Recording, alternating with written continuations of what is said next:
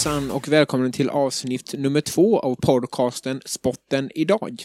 För er som inte lyssnade förra veckan så är mitt namn Josef Andersson och min sidekick som sitter bredvid mig är Axel Svan. Vi tillsammans gör den här podcasten möjlig tillsammans med er lyssnare på så sätt att ni får lämna in önskemål vad vi ska prata om i den här podcasten. Men Axel, hur är läget? Bara bra med mig. Haft en eh, god vecka sedan senaste avsnittet. Mycket härlig sport på tv. Och hur är det med dig min vän Josef? Nej, men jag infli inflikar på samma spår. Jag tycker det är bra med mig också och eh, jag är laddad inför avsnitt nummer två. Axel, kan inte du eh, nämna vad vi kommer att ta upp i det här avsnittet? Senaste avsnittet så slutade vi med att säga att vi skulle prata lite om bandy i det här avsnittet. Vi har spelat 11 omgångar i elitserien i bandy. Vi ska även gå in och kolla lite på junior-VM-trupperna som eh, nu har släppts idag. Ja, exakt. Och vi kommer även gå in i VM-trupperna, fotbolls-VM, inför kommande VM. Så eh, grupperna är färdiglottade och vi kommer gå in på Sveriges grupp speciellt och eh, kanske lite Dödens grupp. Eh, vi fick också även eh, vad vi önskade faktiskt, så det är jättebra. Vi är tacksamma för detta. Men vi fick också ett önskemål från en lyssnare vid namn av Thomas Hugosson. Och eh, vad gäller det, Axel? Det är en väldigt bra fråga från Thomas Hugosson. Helgen som var så var det PGA Tour-tävling på Bahamas och Tiger Woods gjorde sin comeback efter några månaders frånvaro. Så vi ska gå in och kolla lite på den tävlingen. Innan vi drar igång det här avsnittet så vill jag och Axel tacka för alla trogna lyssnare som eh, kommer med önskemål och tips. Fortsätt gärna med det, för att vi gör ju den här podcasten, jag och Axel, tillsammans med er lyssnare möjlig faktiskt. Så eh, vi är tacksamma för förslag. Eh, men nu sparkar vi igång det här.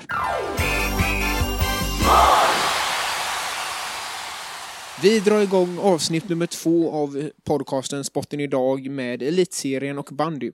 Vi ser att eh, tabellen är jämn. Det är 11 omgångar spelade. I toppen så har vi Hammarby på 18 inspelade poäng och i botten och 14 plats så har vi Tillberga på inspelade 3 poäng. Men vi kollar med våran expert Axel Svan vad han säger om den inledande säsongen. 11 omgångar spelade som sagt. Totalt är det 26 omgångar i eh, elitserien så eh, tabellen har nog satt sig. Jag kan tänka mig att det kommer se ut så här ungefär i eh, slutet av årets elitserie. Hammarby gör det faktiskt väldigt bra. Jag trodde inte så mycket på dem inför säsongen, men de toppar ju som sagt tabellen. Sandviken som ligger tvåa. De har ett bra lag med Kristoffer Edlund bland annat på topp, men även spelare som Daniel Mossberg. Daniel Mossberg, jag vet inte vad jag ska säga om han, men han är min idol i bandyvärlden. Den passnings uppfattningen han har. Det finns inte många som har den. Jag instämmer, men eh, Axel, har vi någon, något lag som har skrällt i år eller hur ser det ut på den fronten? Tellus, kvarterslaget från Stockholm som eh, spelade sin första säsong i elitserien förra året, tycker jag är årets utropstecken bland lagen hittills. De har tagit nio poäng på elva omgångar. Förra året vid den här tiden så eh, tror jag de låg på tre poäng och de slutade förra årets elitserie på 11 poäng totalt. Är det så att de har varvat in något speciellt inför säsongen eller har de fått ihop laget? Har de ny tränare? Har de fått någon ekonomisk boost? Eller vad, vad är det som har hänt att Tellus ligger där de gör? Eller varför, vad tror du Axel? Ja, ekonomisk boost tror jag inte de har gjort. Och många av spelarna har ingen lön. Men eh, spelartruppen ser väl rätt så lika ut som förra året. De tappade en världsmålvakt till eh, Vänersborg, men de har fått in eh, en eh, anfallare från eh, Bollnäs, finallaget, Tobias Björklund, som har inlett elitserien med 10 mål och 5 assist på de 10 första matcherna för Tellus räkning. Nu när vi ändå är inne på Tellus och pratar om deras lag så måste vi också nämna att Martin Krig drog på sig en skada. Martin Krig som är lagkapten och en viktig, viktig, viktig spelare för lag Tellus som sagt. Men Axel, vad har du att säga om detta? Precis, en viktig spelare. Det är eh, han som eh, laget står på. Lagkaptenen åkte på en eh, väldigt jobbig skada mot matchen mot Hammarby senast, Stockholmsderbyt. Han fick hälsenan avskuren av Ivan Lebedev i Hammarby. Säsongen är förstörd. Frågan är om Tellus kommer eh, ta de här skrällsegrarna eller om det den här skadan av Martin Krig gör att de kommer ligga där i botten. Grymt. Eh, Axel, jag har en fråga också om årets rookie. Har du någon sådan och eh, vem är detta i sådana fall? Många spelare i eh, elitserien i toppen av poängligan är de där gamla rutinerade. Kristoffer Edlund, Joakim Andersson i Vetlanda, Kristoffer Fagerström, David Karlsson, han har gjort 16 mål på sina 10 första matcher, i Villa bland annat. Men en rookie vi har är Oskar Wikblad från Edsbyn. Blott 20 år, men har hittills gjort 12 mål i elitserien. Årets rookie enligt mig. Okej, okay. tror du han kommer eh, bli en toppspelare inom de närmaste åren? Kommer han försvinna från svensk eh, bandy eller vad tror du om hans framtid? Svårt att säga, det är den där avgörande åldern, men eh, mycket troligt är att han kommer vara en av Edsbyns framtida storspelare. Så det är med en spänning helt enkelt. Vi får se vad, vad detta bär, bär av så att säga. Men Axel, Sist, jag kan inte komma ifrån detta. Jag vet att vi är tidigt i säsongen, det är många omgångar kvar och eh, det är ett slutspel som kommer här framåt vårkanten. Men eh, vem tror du kommer stå som segrande 2000, säsongen 2017-18 när våren har kommit? Sandviken AIK. Det är ju ett Hammarby i topp nu, men Sandviken har de där spelarna som eh, kommer höjas lite extra i ett slutspel. Kristoffer Edlund, 33 mål på 11 matcher hittills. De har Daniel Mossberg som jag tidigare nämnt. De har spelare som eh, Erik Sävström som kom tillbaka från Ryssland i år. De har ett lag som går för guld och jag skulle bli förvånad om de inte tar guld. Det låter som en bred trupp. Med spänning ser vi fram emot detta slutspel och se om eh, vår expert Axel Svan har rätt. Vi går nu vidare i eh, Spotten idag-podcasten och avsnitt nummer två. Vi tar oss faktiskt utomlands till Bahamas. Ifrån svenska elitserien i bandy till Bahamas där eh, PGA-touren Hero World Challenge har gått av stapeln. Det är en tävling där, som Tiger Woods faktiskt anordnar, där han bjuder in sina medtävlande. Ehm, och eh, nämnvärt här är väl att Ricky Fowler gick och vann, ehm, men också att Tiger Woods har gjort comeback, eller gjorde comeback för den här tävlingen efter några månaders frånvaro faktiskt. Ehm, och eh, likaså Henrik Stensson som har varit borta några veckor på grund av ryggen. Men Axel, kan inte du ta med oss igenom den här tävlingen? Och eh, som jag förstod i alla fall så eh, sista dagen så skåpade nästan Ricky Fowler ut sina, eh, sina motståndare. Precis, Ricky var glödigt sista dagen, men om vi inleder med Tiger så eh, började han bra. Han eh, har ju varit borta sedan februari. Men jag tror han häpnade oss i golfvärlden. Jag såg på de fyra dagarnas golftävling. De två första dagarna så svarade han för två finfina ronder och stundtals var han uppe i delad ledning. Men efter tredje dagen så halkade han ner lite. Totalt så slutade han på en eh, nionde plats i tävlingen åtta under par. Men eh, för att vara frånvarande så länge så måste vi ändå säga att Tiger gjort en, gjorde en bra tävling. Tigers comeback kan vi inte kranka ner på otroligt bra. Det blir spännande att se om han kan komma tillbaka till den nivån han var på tidigare.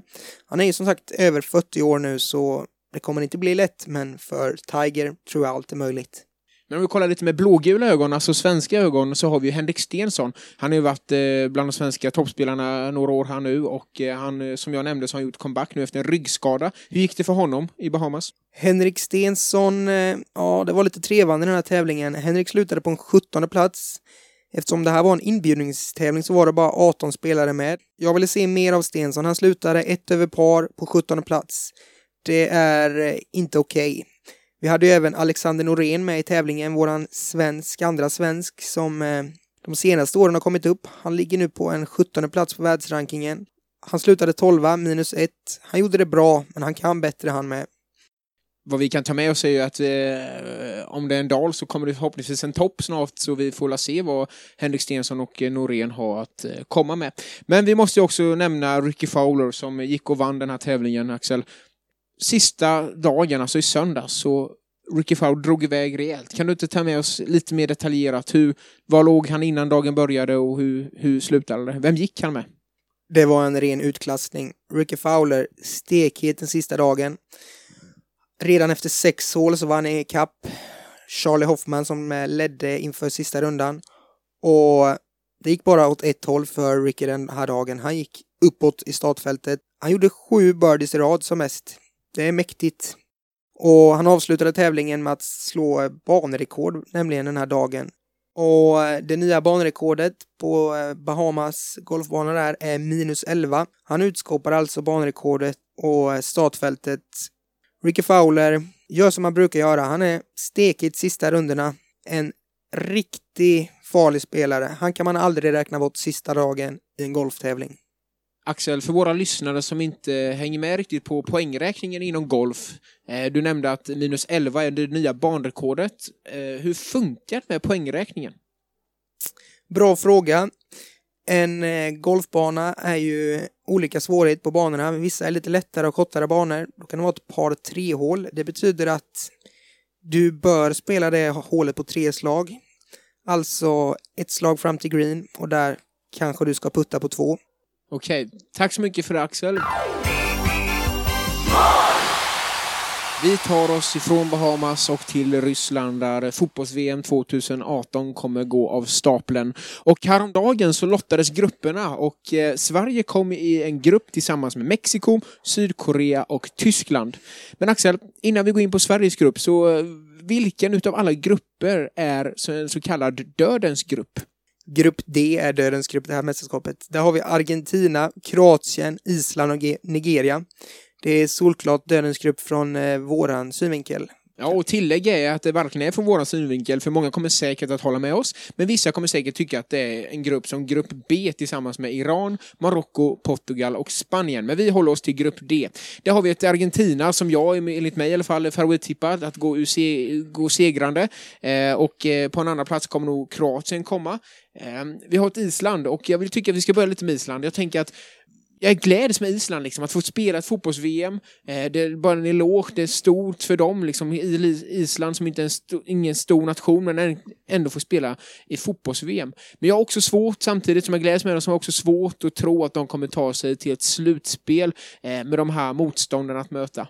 Jag tänker Argentina som har spelare som Lionel Messi, som eh, fortfarande är världsspelare, har varit i många år. Vi har Kroatien med Rakitic och Modric som eh, är världsspelare i sina klubblag. Eh, vi har ett Nigeria som kanske inte fått ihop det, men ändå har bra spelare och får de ihop sitt lag så blir de otroligt starka. Så om Island kan ta något enstaka poäng så ska de nog vara glada, enligt min åsikt. Axel, vad har du att inflika? Fyra oerhört svårbedömda landslag och som du säger Island, ja de är en outsider men eh, har de tagit det till VM så kan de ta sig till eh, 16-delsfinal, inga problem för dem. Och Nigeria, ja de har oftast svårt att få ihop ett eh, laget till eh, de här stora mästerskapen, VM bland annat då. Ja, och jag tänker att vi går till Sveriges grupp för den kanske känns mer relevant och nära för oss. Där vi har då ett eh, Mexiko, Sydkorea, Tyskland som väntar för Sveriges del. Vi eh, ska alldeles strax gå in på öppningsmatchen mot Sydkorea, men vi måste ju också säga Axel att eh, Tyskland kommer gå förhopp- troligtvis, inte förhoppningsvis, utan troligtvis gå segrande ur den här gruppen. Tyskland ska springa hem den här gruppen ganska lätt, är min, min åsikt om det hela. Ja, och eh, vi, eh, andra platsen eh, kommer väl ändå att göras upp kanske i sista gruppspelsmatchen för Sveriges del då vi möter Mexiko. Axel, vad har du att säga om Mexiko? Du, jag vet att du har lite bättre koll på dem än vad jag har. I eh, sommarens eh, Confederations Cup, för-VM som man kallar det, jag såg lite på Mexikos matcher där. Det är ett eh, oerhört starkt lag defensivt och eh, de har väldigt snabba omställningar, duktiga på det. Hasse Backe, som eh, var assisterande tränare i Mexiko för några år sedan, säger att det är ett av världens mest taktiska lag. Spelare som vi kanske känner igen det är Javier Hernandez som spelar i West Ham. Han spelade fem år i United mellan 2010 till 2015. Men de har en bred trupp. Ja, det blir helt enkelt eh, en tuff match för Sverige och ett spännande att se hur Mexiko eh, kommer klara detta. Som jag har förstått det så har Mexiko ett otroligt bra hemmafacit. Eh, men på bortaplan så har de spelat sämre. Eh, och eh, detta är säkert någonting som påverkar dem. Kan jag tänka mig åka till Ryssland och egentligen alla fyra matcher blir på bortaplan. Men det är klart att de kommer förbereda sig på bästa sätt. Och, jag hörde senast igår faktiskt att de kommer åka ner nu i dagarna och ha ett camp där nere, alltså ett Mexiko-camp och få känna in den ryska kulturen och ryska planerna och vad allt vad det innebär. Men Axel, Sveriges öppningsmatch mot Sydkorea. Vad vet vi egentligen om Sydkorea? Bra fråga. Sydkoreansk fotboll, ja, det är väl inte mitt eh, huvudområde. Sverige inleder i alla fall den 18 juni. Det är måndag vecka 25, midsommarveckan, för den som vill veta det. Sydkoreansk fotboll, ja, Sydkoreas förbundskapten själv eh, gick ut och sa att alla lag är starkare än oss och han tror inte att eh, de ska gå vidare. Vi måste jobba så hårt vi kan oavsett vilka vi möter, säger han. En väldigt viktig detalj där är eh, medellängden faktiskt, en liten rolig detalj. Sydkoreas medellängd gentemot Sverige är mer än en decimeter skillnad. Alltså så är eh, luftrummet en väldigt viktig del i matchen mot Sydkorea. Det gäller att vara heta på hörner och inlägg för Sverige.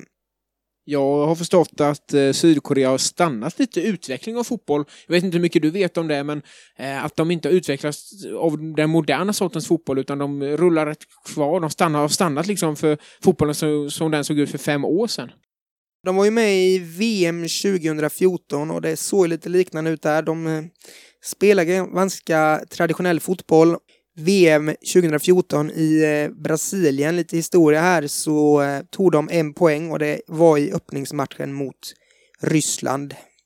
Jag tänker att eh, får Sverige ihop sitt lag med, säg att Berg och Toivonen rullar på topp och eh, vi har ett mittlås med Granqvist och Nilsson Lindelöf så tror jag faktiskt att Sverige har goda chanser att komma tvåa i den här gruppen.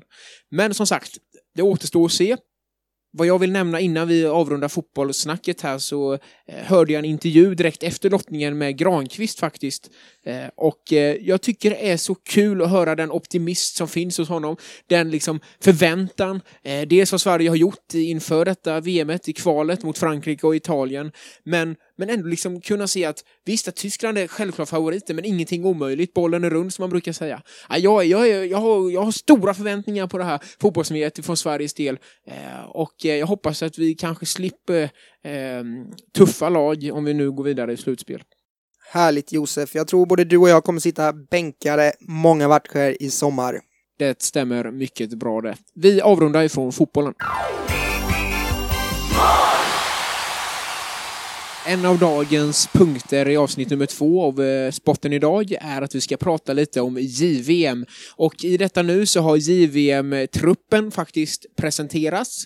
Eh, JVM kommer gå i stapeln ifrån den 26 december till den 6 januari i Buffalo. Och Sverige har öppningsmatch den 26 december emot Vitryssland. Vidare i gruppen så kommer de möta Tjeckien, Schweiz och Ryssland. Axel, vad, eh, vad tänker du om den här truppen? Vad har du lagt märke till? En eh, väldigt eh, rolig trupp faktiskt. Två eh, saker som man saknar är ju två spelare, det är ju Alexander Nylander och Jesper Bratt. De här spelarna har inte Thomas Montén kunnat ta ut eftersom de presterar för bra i NHL. NHL-lagen vill inte släppa de här spelarna för de är så otroligt viktiga för sina lag. Vilket är tråkigt för oss svenskar. Eventuellt kan vi få loss Alexander Nylander, men Jesper Bratt, ja, det är nog eh, kört. Han har ju eh, inlett NHL strålande sin första säsong i NHL och eh, killen har ju hunnit göra 19 poäng på 27 matcher, vilket är ett väldigt bra facit första säsongen i NHL. Vi eh, får ju glädjas med, eh, med Nylander och Bratt såklart, men eh, också sörja lite att de inte är med i JVM faktiskt, för det hade varit ett tillskott utan dess like. Men i förra avsnittet, Axel, så pratade vi om Elias Pettersson ifrån Växjö Lakers och Rasmus Dahlin. Och eh, vad jag har förstått så är de uttagna i JVM-truppen nu inför kommande VM. Eh, vad har vi att säga om de två? Stämmer bra. Elias Pettersson och Rasmus Dahlin är uttagna. Noterbart var att eh, Elias Pettersson drog på sig en skada i senaste matchen i Champions Hockey League. En mjukdelsskada och Växjö Lakers har inte velat gå ut med mer. Förhoppningen är ju att han kan spela vidare och spela JVM. Vi hoppas och tror på det. Vi kan också se att en sån som Erik Brännström som spelar som back i HV71 uttagen och eh, i mina ögon så är inte det alls förvånat. Han, eh, han är ju en otroligt rörlig och skicklig back i HV och eh, jag tycker det är helt rätt om Montén att ta med honom. Något som jag gläder sig är att eh, David Gustafsson, som också spelar HV71, nu blir det mycket HV här, jag ursäktar för det, men att en sån som David Gustafsson spelar i HV också har fått eh, chansen att vara med i eh, de, denna JVM-trupp. Han var ju med i kampet som JVM hade, eh, eller Svenska juniorkronorna, förlåt, hade här nu för några veckor sedan och där gjorde han otroliga framsteg för eh, förbundskapten Montén i hans ögon och eh, är nu uttagen till JVM i Buffalo här. Ja, David Gustafsson är ju en riktig eh, gnuggare i en tredje, fjärde kedja i ett JVM. Han är inte den som öser in poäng, men han gnuggar. Han Har en otrolig vilja den här killen. Han är född år 2000, alltså bara 17 år. Det är roligt att Thomas Montén vill ta med de här lite yngre killarna och han har ju mer än ett JVM att se fram emot, den här killen. Ja, med hans tyngd och hans eh, längd så tror jag att han kommer kunna bidra mycket i en powerkedja i kedja nummer tre eller fyra som du säger. Vi eh, kan också se då att vi kommer få möta ett Tjeckien, Schweiz och Ryssland. Vi eh, hoppas och tror verkligen att Sverige kommer ta sig vidare i den här gruppen. Vi har nu nämnt några utespelare, men vi har ju också några målvakter med oss eh, såklart i det här laget. Axel, vad eh, säger vi om de tre som är uttagna? Det är ju alltså Filip Gustafsson från Luleå, en eh, kille som eh, var med JVM redan i fjol. Han har rutinen som vi behöver och han har faktiskt varit med i två JVM tidigare. Den här säsongen har han dock han kanske inte har gått i den utveckling som vi hoppas på. Han har hittills i Luleå haft ett målsnitt på 2,65 insläppta mål per match. Det är ju tänkt att han ska vara första målvakt. Han har ju redan skrivit kontrakt med Pittsburgh, så de tror ju på han. Sen har vi även Filip Larsson, han kanske är lite mer okänd för er där hemma.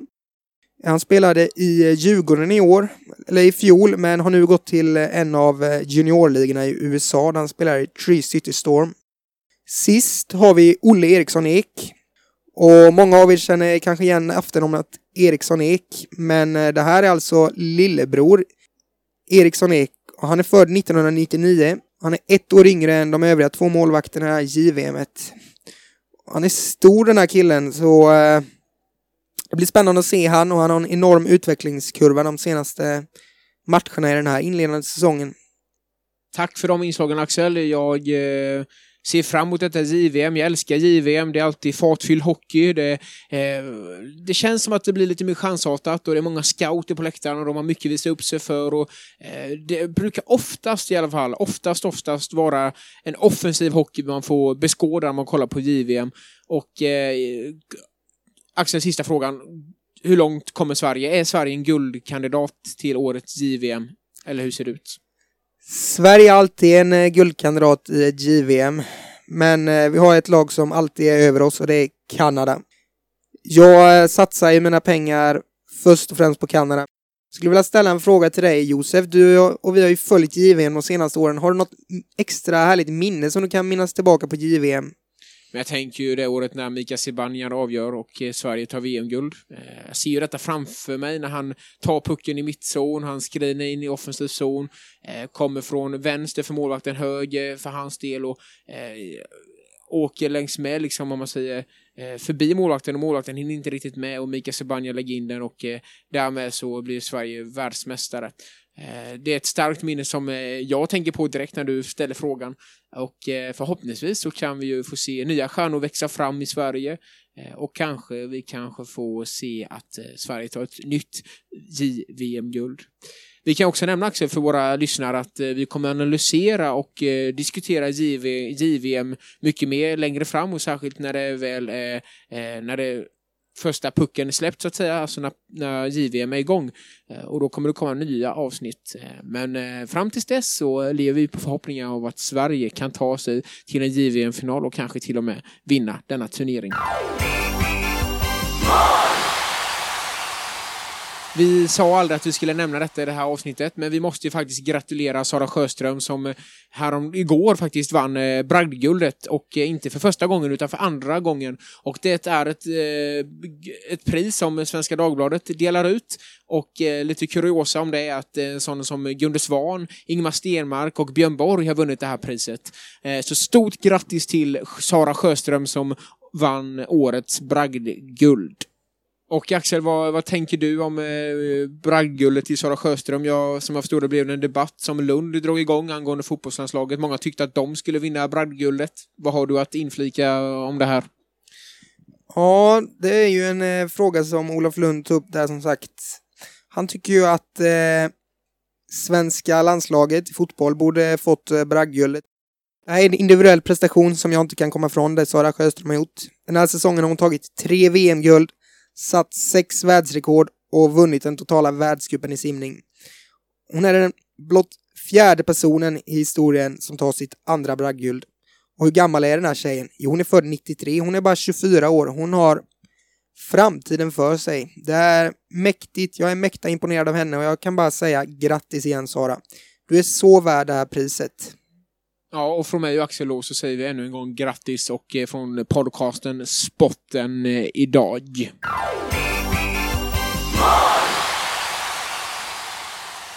Med detta så vi, eh, vill vi tacka för dagens avsnitt och att just du har lyssnat på podcasten Spotten idag.